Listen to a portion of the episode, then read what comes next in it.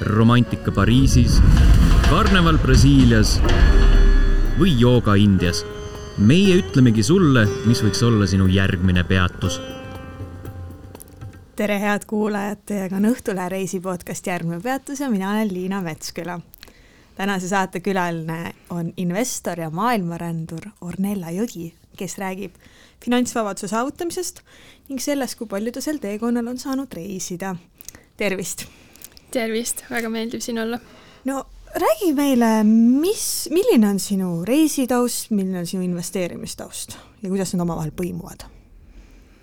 Äh, mu investeerimistaust sai alguse kaheksa aastat tagasi, kui ma ostsin oma esimese üürikorteri, aga reisipisik on mul olnud vist teismelise east saati, et ma läksin äh, välismaale ülikooli õppima ja see oli minu viis, kuidas näha maailma. Et ma käisin Inglismaal ülikoolis ja Austraalias ja siis Rootsis ja selle kõige kõrvalt ma üritasin ka nii palju kui vähegi võimalik reisida. aga ma üritasin siis investeerimisega reisimiseks raha koguda, et saaks elu lõpuni lihtsalt reisida ma sain aru, et siis äh, ma plaanisin küsida, et kumb armastus tuli esimesena, et siis äh, reisimine on see pikaajaline armastus, mis, millele on investeerimise temaatika juurde tulnud, et on, saan ma õigesti aru? kuule, kui sa niimoodi küsid, ma ei teagi ma lihtsalt tean, et ma tahtsin eluaeg Inglismaale ülikooli minna ja alguses keskkooli ka, aga ma vanasti reisin väga palju, kui äh, ma laps olin, ainult äh, lähiriikidesse, nii et äh, mul vist oli natuke vajadust äh, maailma näha, aga see ei olnud niisugune kinniside väiksest peale investeerimine tuli võib-olla varem äkki isegi, ma ei tea. et pane, ma panen kohe sind alguses oma küsimustega niimoodi mõtlema, et no kuidas siis täpselt oli, onju. ise hoiatasin, et on lihtsad küsimused.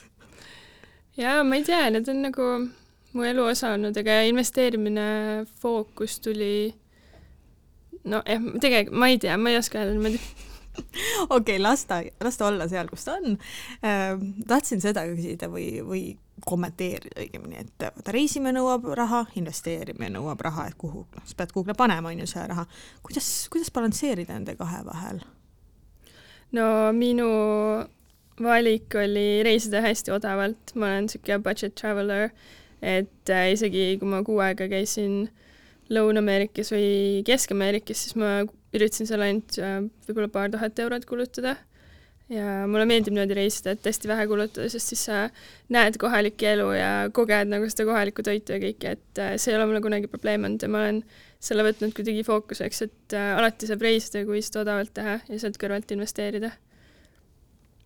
oled sa alati selles hea olnud, et niimoodi, niimoodi balansseerida nende kahe vahel? Või kus mm. see, kus see oskus äh, tuli sulle? no kui ma ülikoolis käisin, ma käisin välismaal ülikoolis, ma ise käisin ka tööl, et maksta kõige selle eest. et äh, mul lihtsalt ei olnudki raha, aga reisima ikka pidi, nii et ma üritasin hästi soodsalt kõike teha. ja siis äh, investeerimine oli niisugune sõltuvus, et äh, iga kuu hakkasid mingid sendid äh, dividendina tulema ja seda oli kogu aeg juurde vaja, nii et ma ma ei tea, kuidagi automaatselt ma üritasin nii palju investeerida kui võimalik ja siis mingi budget oli reisimise jaoks. aga jah, ma ei ole kunagi nagu mingites väga kallistes hotellides niimoodi käinud eriti, vähemalt noorena.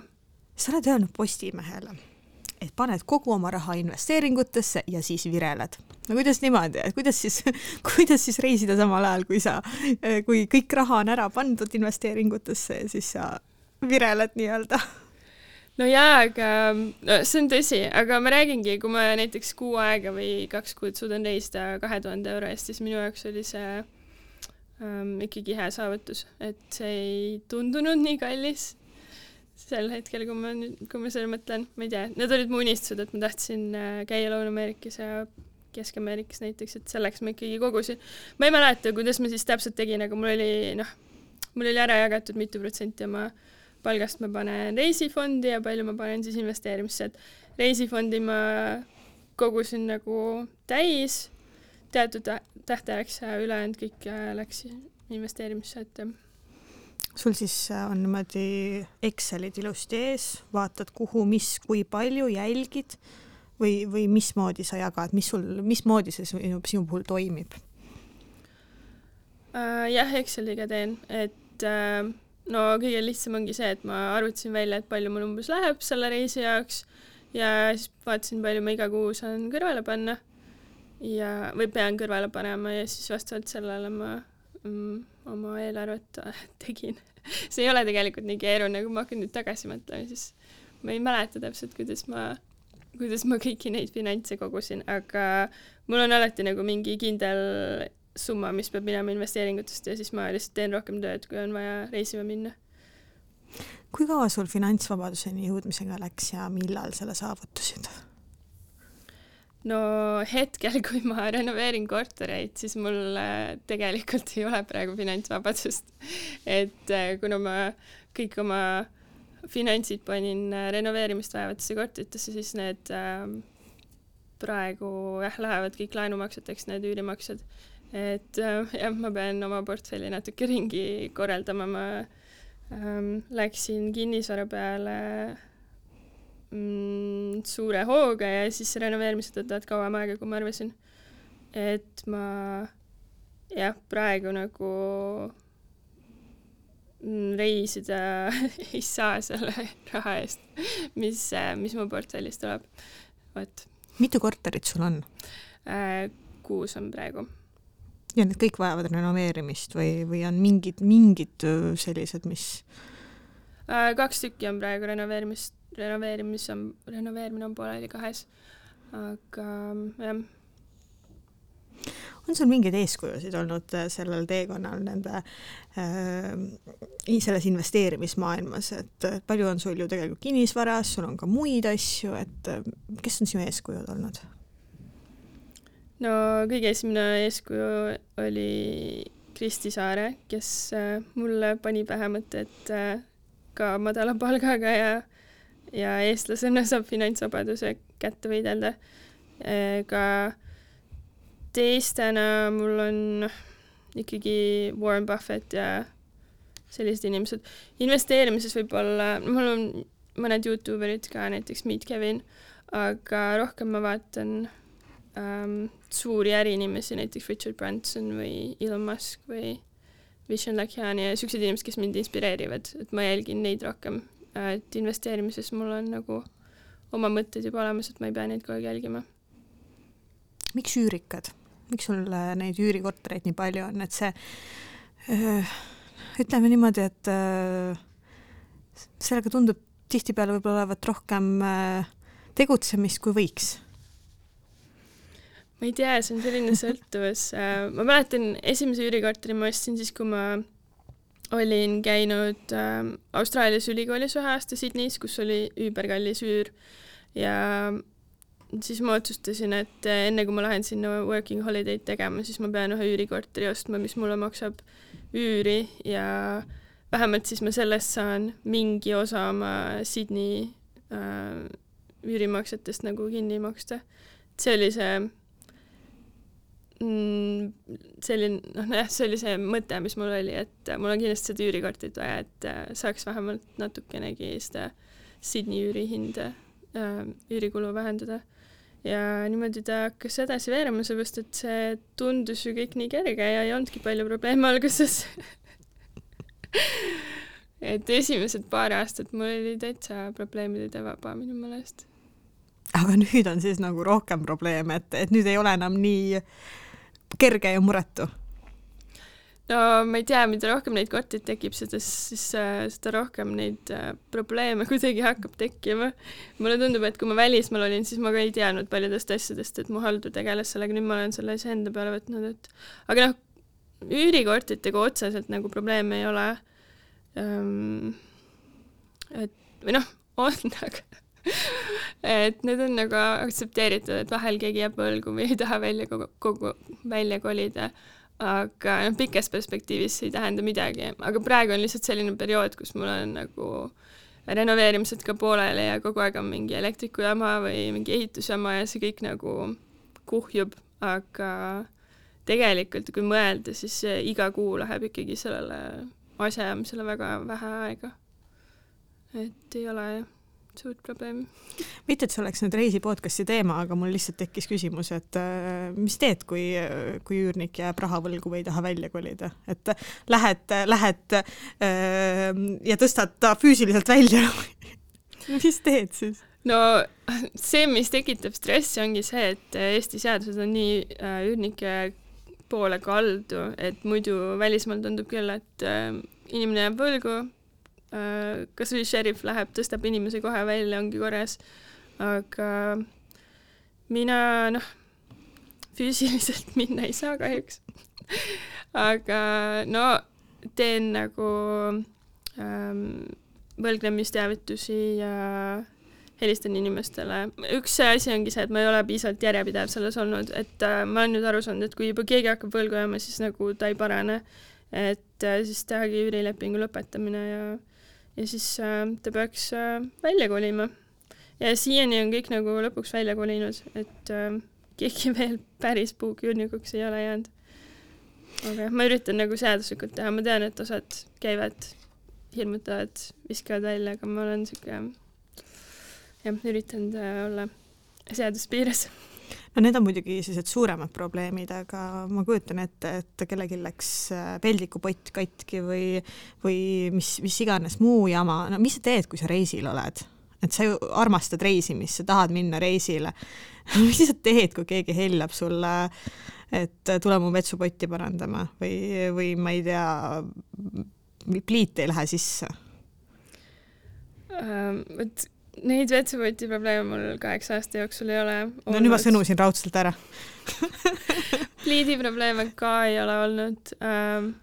ainus probleem, mis on olnud, on ühe korra läks pesumasin katki, mille peale ma siis äh, helistasin äh, sinna äh, kasutatud äh, kodumasinate keskusesse, küsisin, et, et ma valisin äh, pesumasina välja kas te saate selle koha, või okei okay,, ma küsisin enne, et kas te toote kohale ka. Ja, ja siis, äh, et nad viivad vana ka ära. Ja põhimõtteliselt ma maksin arve ära. Ja see pesumasina firma või noh, äh, kodumasinate firma siis tegeles sellega. Ja oligi korras, midagi muud ei pidanud tegema. et ähm, no kui sa oled samal ajal kuskil Kolumbias äh, Kokora orus, minu meelest sul oli pilt seal, sa vist oled käinud, on ju, seal. Yeah. oli jah, täpselt seal Kokoro orus on ju, naudid neid äh, kauneid kõrgeid palmipuid ja siis keegi helistab sulle mingisuguse täiesti sellise X-probleemiga, sinu korteriüürnik, mis tema jaoks ei ole X-probleem, aga sinul sel hetkel on. kuidas sa, kuidas sa lähed sinna lainele või, või kuidas sa suudad ennast viia sellesse, et, et sa tõesti tegeledki sellega, sest sa oled täiesti, sina oled ju täiesti reisilainel no siis, kui ma mm, niimoodi pikematel reisidel olen, siis mul ikkagi, mul oli mitmeid aastaid haldur. isegi kui ma kogu aeg välismaal ei olnud, siis mul oli haldur, sest mulle ei meeldi üürnikega tegeleda. et äh, kuskil Kolumbias ma üürnike pärast muretsema ei pidanud. no miks enam haldurit ei ole äh,? sellepärast, et ma tulin ise Eestisse ja, ja haldur ei tahtnud ka mu korteritega enam tegeleda miks nii? No ma ei tea, ta süüdistas inflatsiooni, aga ma nüüd noh, ütleme, et ma, ma ei olnud nagu nende üürnikega päris rahul ka, kes mulle sinna korteritesse lõpuks pandi, et äh, seal olid äh, probleemseid inimesi ka. Ja igatahes ma võtsin selle halduse praegu enda kätte ja nüüd ma vaatan ise enda üürnikke. aga tulevikus ma kindlasti võtan halduri tagasi, kui ma kavatsen kuskile kaugemale minna ka pikemaks ajaks, pikemaks või lühemaks ajaks reisima siis? ja no ma arvan, noh, selles mõttes alguses äh, ma pean vaatama, kuidas sellega läheb, sest tegelikult äh, üürnikud nagu peaaegu kunagi ei kontakteeru. ja kui tõesti on selline asi, et äh, neil on vaja, ma ei tea, uut pesumasinat, siis selle saab tegelikult meilidega ära jääda. ainus asi on see, kui on mingid katastroofiline veeavarii, aga isegi siis nagu, kui on mõistlik, mõistlik üürnik, siis ta saab sellega ise hakkama ja peab lihtsalt toruteenused kutsuma. et äh, ma vaatan kuidas sellega kaughaldusega läheb. ainus asi lihtsalt ongi see jah, et mulle ei meeldi nagu olla kakskümmend neli seitse saadaval. see asjade organiseerimine ei ole tegelikult nii keeruline, sest eks mul ole kinnisvaras väga palju tuttavaid ka, kes saaksid nagu oma nõu ja jõuga võib-olla aidata korra sealt läbi käia, kui vaja sul sellist emotsiooni või mõtet ei ole tekkinud, et müüks need korterid maha ja paneks mingitesse teistesse varaklassidesse näiteks, et mis ei nõua nii palju tegelemist, eriti inimese jaoks, kes armastab reisida? jaa, eks neid mõtteid ikka on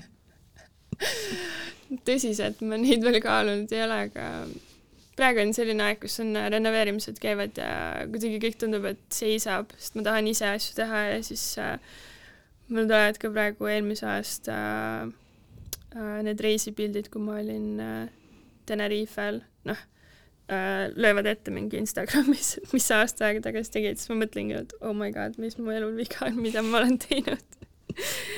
Et äh, aga noh, ma arvan, et see on sihuke äh, lühike periood, et asjad saavad korda.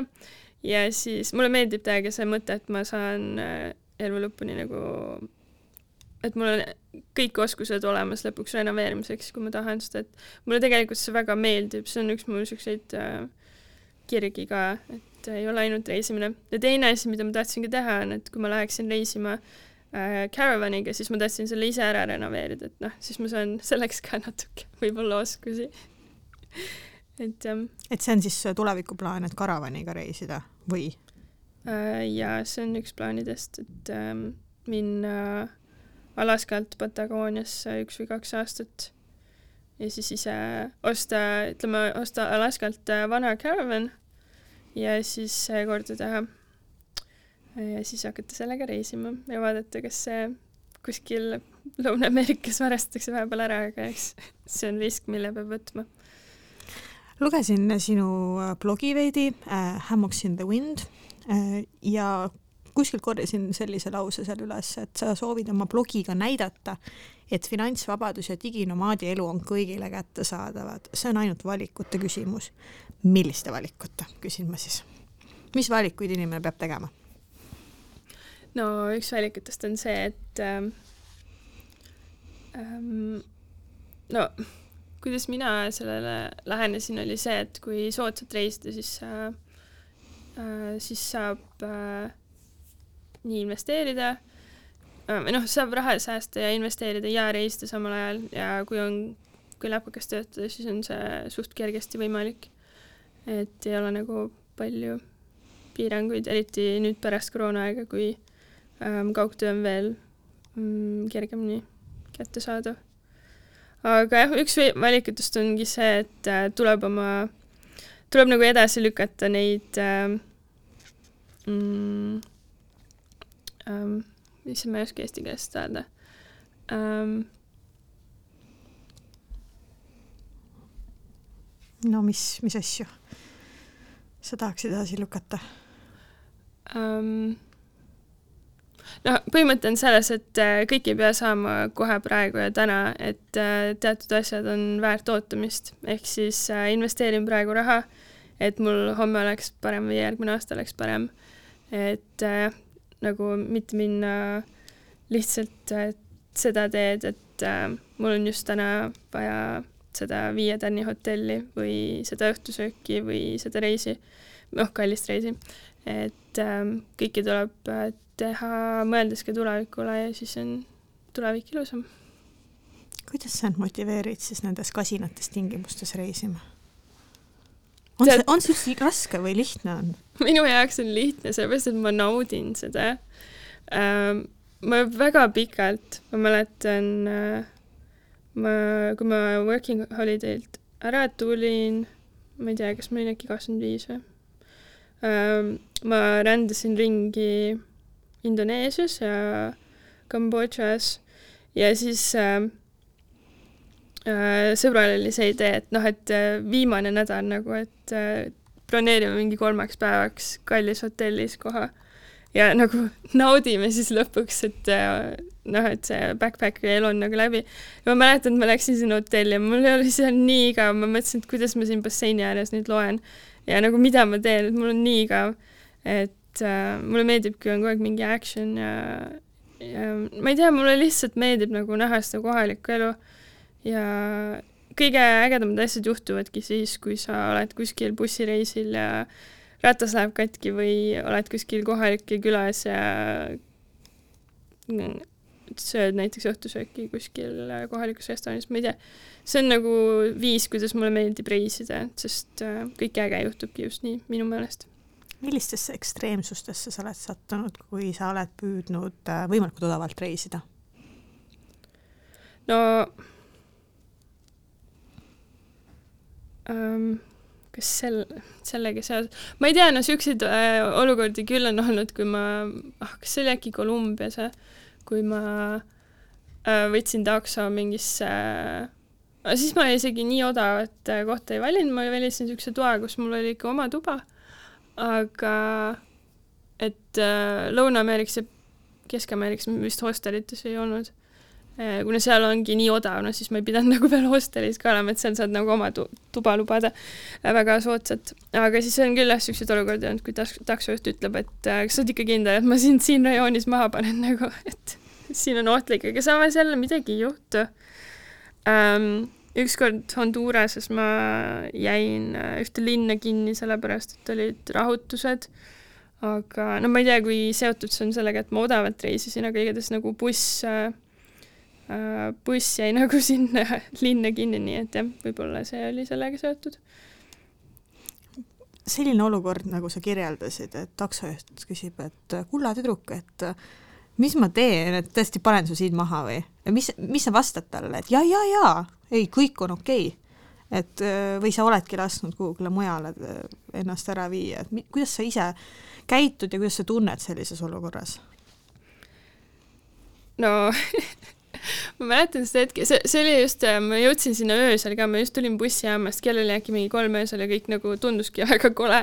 aga no muidugi ma ütlesin, et pange mind maha, et nalja teete, seepärast, et mul on sihuke tunne ka, et nad lihtsalt vaatavad, oo, mingi üksik naisterahvas, et see küll kuskil hakkama ei saa, et siis ma just mõtlen, et mm, I proved them wrong et äh, muidugi ma olin need hosteli nagu mingid kirjeldused äh, või noh, selle guest house'i kirjeldused läbi lugenud, et mis seal ikka karta um,. ja läksin ja siis õhtul oli natuke hirmus. Või no ma mõtlesin, et mis koht see on, äkki ongi mingi kole koht, aga nii kui päike särama hakkas, nii oli nagu täiesti tavaline rajoon, ma ei tea, midagi hullu ei olnud, et see, siukseid asju ma kuulen nagu paljudelt inimestelt ja siis noh, nagu inimestel on mingid eelarvamused mingite kohtade osas. ja siis teised ütlevad, ei, siin pole midagi viga, et äh, mina olen, minul on ka olnud taolist olukorda Ladina-Ameerikas, mäletan kunagi El Salvadoris näiteks samamoodi taksojuht, oi, see on küll väga ohtlik olukord, mitte olukord, vaid äh, kant. ja et äkki ma viin sind kuhugile mujale, mingisse teise hostelisse. ma olin siis nõus, ma olin üsna roheline reis ja ma olin toona kaheksateist, see oli mu esimene pikk reis. ja noh, esimene pikk reis üksinda siis. ja ma hiljem olen mõelnud selle peale, et, et tegelikult ma ju ei tea Äh, kas see kant oli äh, selline ebaturvaline või mitte, sellepärast et võib-olla ta sai mingisugust vaheraha selle eest, et ta viis mind kuhugile teise hostelisse. et noh, tema sai lihtsalt tasu selle eest, et tõi ühe kliendi juurde, tegelikult ju ei tea lõppude lõpuks. ja nii kui sa hakkasid seda juttu rääkima, mul tuli ka kohe mõte, et issand, aga ta võis ju sealt mingit boonust saada mm. -hmm. et see on, ta võib sind veel kahtlasemasse kohta viia. Jah, aga noh, veel meil läks või noh, mul läks kõik hästi ja midagi, ei olnud isegi väga kallis uus koht, kuhu ta, kuhu ta mind suunas, et minu meelest oli see stiilis mingi kümme dollarit. aga no see oli muidugi ka aasta kaks tuhat üheksa. kümme no. dollarit äh, Honduras'es eh,, vabandust, El Salvadoris, ma ei ole Honduras'es käinudki see kõlab ikka palju tegelikult arvad või? El Salvadori kohta, ma ei tea, aastaid tagasi. Ma ei teagi, vot, oled sa käinud El Salvadoris? ei ole aga aga arvame. ma eeldan, et väga odav. aga mis on sinu nipid soodsal reisimisel um,? nipid, ma ei tea, tuleb armastada kohalikku toitu, tuleb käia turgudel um,, nojah, street food, kõik siuksed asjad um,. mina ei ole väga hea mingite sooduspiletite broneerimisel ja siuksel, et ma, ma Skys Skyscannerist otsin vist jah, et äh, üritan muidugi saada mingi normaalse pileti, aga ma tõesti tavaliselt ei ole nagu väga pikalt äh, ette ostnud um,. mis veel? no ma ei tea, seal ei olegi nagu mingeid nippe, et mm. aa, üks nipp, mis mul on, see, see, et ma alati käin ainult seljakotiga et ma käisin, mul on sellest Instagramis pilt ka, ma käisin äh, Kesk-Ameerikas seitsme ja seitsme koma kuue kilose seljakotiga vist. see on see Osprey seljakott, mis mahub igale poole käsipagasisse. ja see on nii hästi disainitud, kuna see käib äh, ümbert nagu ringiga lahti Äh, siis sa saad sinna kogu oma elu sisse panna, et nagu jah, väheste asjadega reisimine säästab väga palju raha, eriti kui nagu erinevate riikide vahel ringi hüpata. et siis saab ka lennata soodsalt, sest jah, muidu maksad, maksad pagasi eest väga palju. No kui sul ühel hetkel on äh, need korterid ilusti renoveeritud, äh, raha tuleb hästi sisse, finantsvabadus on käes täitsa, mis sa arvad, mis muutub sinu reisimises ja selles stiilis? kas üldse muutub mm,? ma ei tea, selles mõttes, et äh, mulle meeldib niimoodi reisida, see on nagu põnev.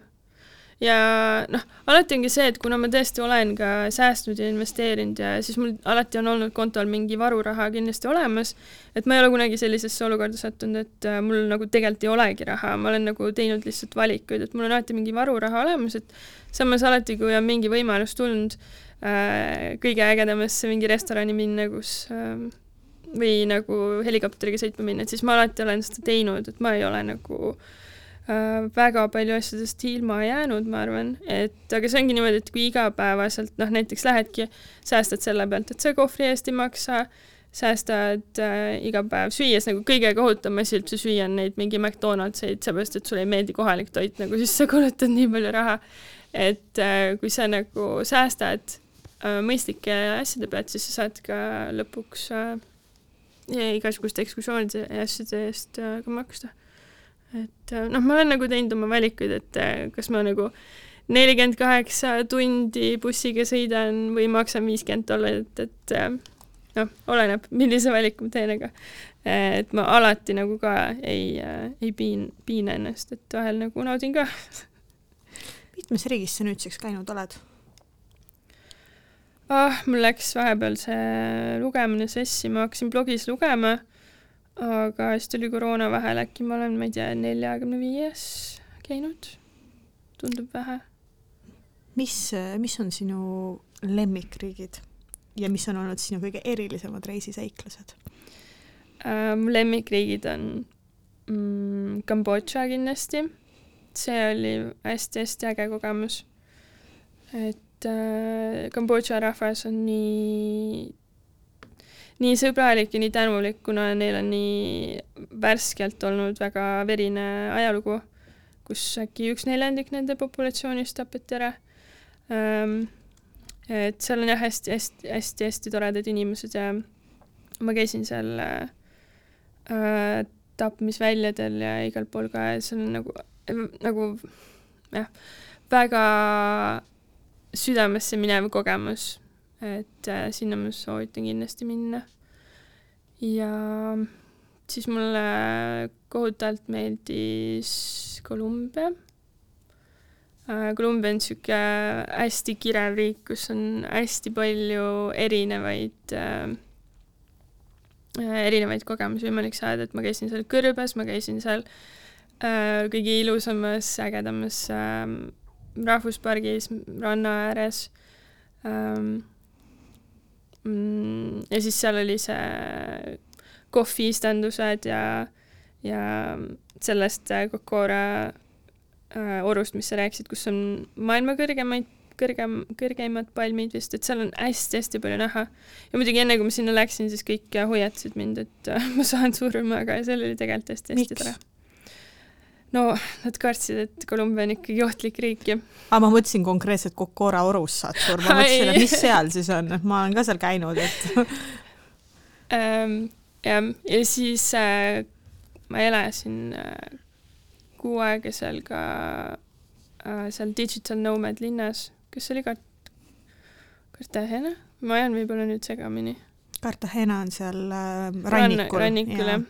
ah, see oli see teine linn, appi mm Santa Marta on näiteks seal hästi populaarne.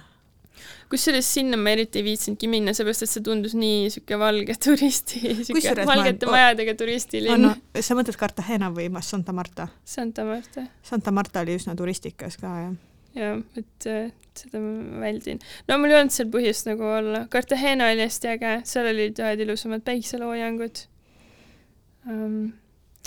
ja siis, kus mulle veel meeldinud käia on um,? Belize'is oli hästi äge, seal on see saar, kus ei ole, kus ainult golfiautodega saad ringi sõita. sihuke. Key Hawker äkki või? jah. jaa, ma olen ka seal käinud. see oli nii armas, ma olin seal äh, jälle sihuke, see oli budget elamine, eks ju, aga see oli täpselt otse rannal ja siis äh, sihuke bungalow, mis on äh, postide peal nagu oh, nii super ja siis oli veel äh, noh, mul oli see eraldi bungalow, eks kus oli veel see võrkkiik ka siis rõdu peal nagu oh, super.